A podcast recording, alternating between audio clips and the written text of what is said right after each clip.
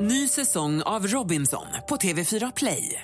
Hetta, storm, hunger. Det har hela tiden varit en kamp. Nu är det blod och tårar. Fan händer just nu. Det. är Detta är inte okej. Robinson 2024, nu fucking kör vi! Streama söndag på TV4 Play. Det här är listan. Och det är din tur att presentera en lista här. Ja men se du, jag har ju faktiskt funderat ut en eh, trevlig lista här tycker jag. Nämligen listan över de eh, bästa, coolaste rock'n'roll-pastischfilmerna.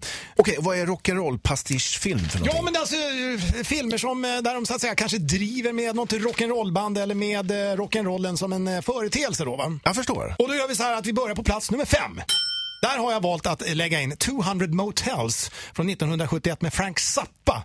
Som du ju också mycket väl känner till. Absolut. En väldigt absurd film måste jag säga. Ja, den är riktigt skum alltså. Innehåller eh, både dammsugare och eh, symfoniorkestrar och...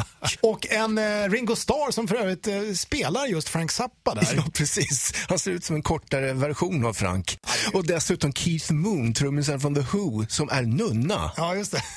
ja, du hör ju själv, det är helt sjukt alltså. På plats nummer fyra.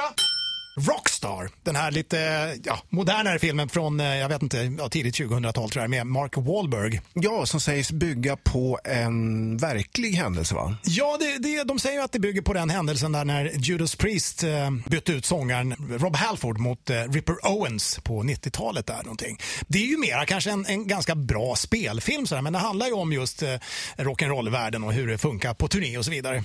Vi eh, tar och fortsätter med eh, topp tre-placeringarna här om ett litet tag. Då. Det gör vi. Först The Trooper med Iron Man. Det här är listan. Nu är jag sugen på att höra topp tre här igen. Ja, vi kör vidare här då på tredje plats. Har jag valt filmen The Ruttles med eh, bland annat då Eric Idle från Monty Python-gänget då, som jag är ju stor Monty Python-freak, det känner du ju till. Den här filmen handlar ju, det är ju liksom en, en pastisch på, på The Beatles-fenomenet då. Ja, just det. Och eh, det är ju mycket Monty Python-humor i den här filmen, men den är, den är, jag tycker den är jävligt bra, välgjord och även musiken är extremt välskriven. Det är verkligen pastischer på Beatles-låtar. Man hör liksom att okej, här har de tagit från I am the Walrus eller vad det nu är för någonting. Precis.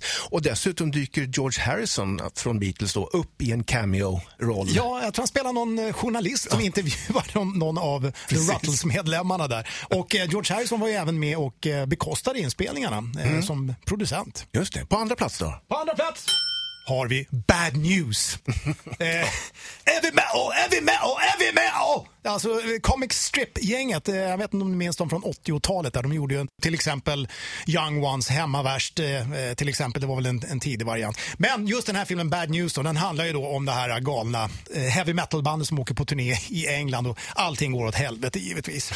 Ja. De spelade faktiskt in en, en platta också eh, i mitten på eh, 80-talet där som ingen mindre än Brian May från Queen faktiskt producerade. Det är sant. Otippat. Ja, visst. Ska vi ta första platsen då? Ja.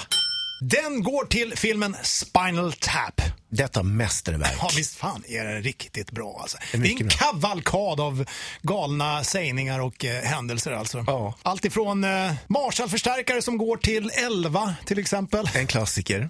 Sen har du även eh, Stonehenge i miniatyrformat.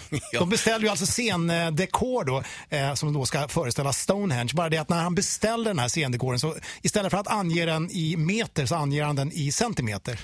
typ så, ja. Eh, kan varmt rekommenderas för den som inte har sett den. Ja, det är ett måste alltså. Ja. Det är en film som har slagit ihjäl många döda timmar på turnébussarna kan jag säga. Ja, precis. Riktigt, riktigt bra. Mycket bra lista tycker jag. Rockklassiker.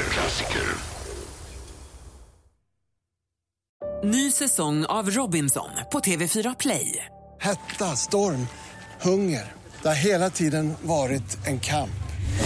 Nu är det Eh, blod och tårar. Fan händer just nu. Det. är Detta är inte okej. Robinson 2024, nu fucking kör vi!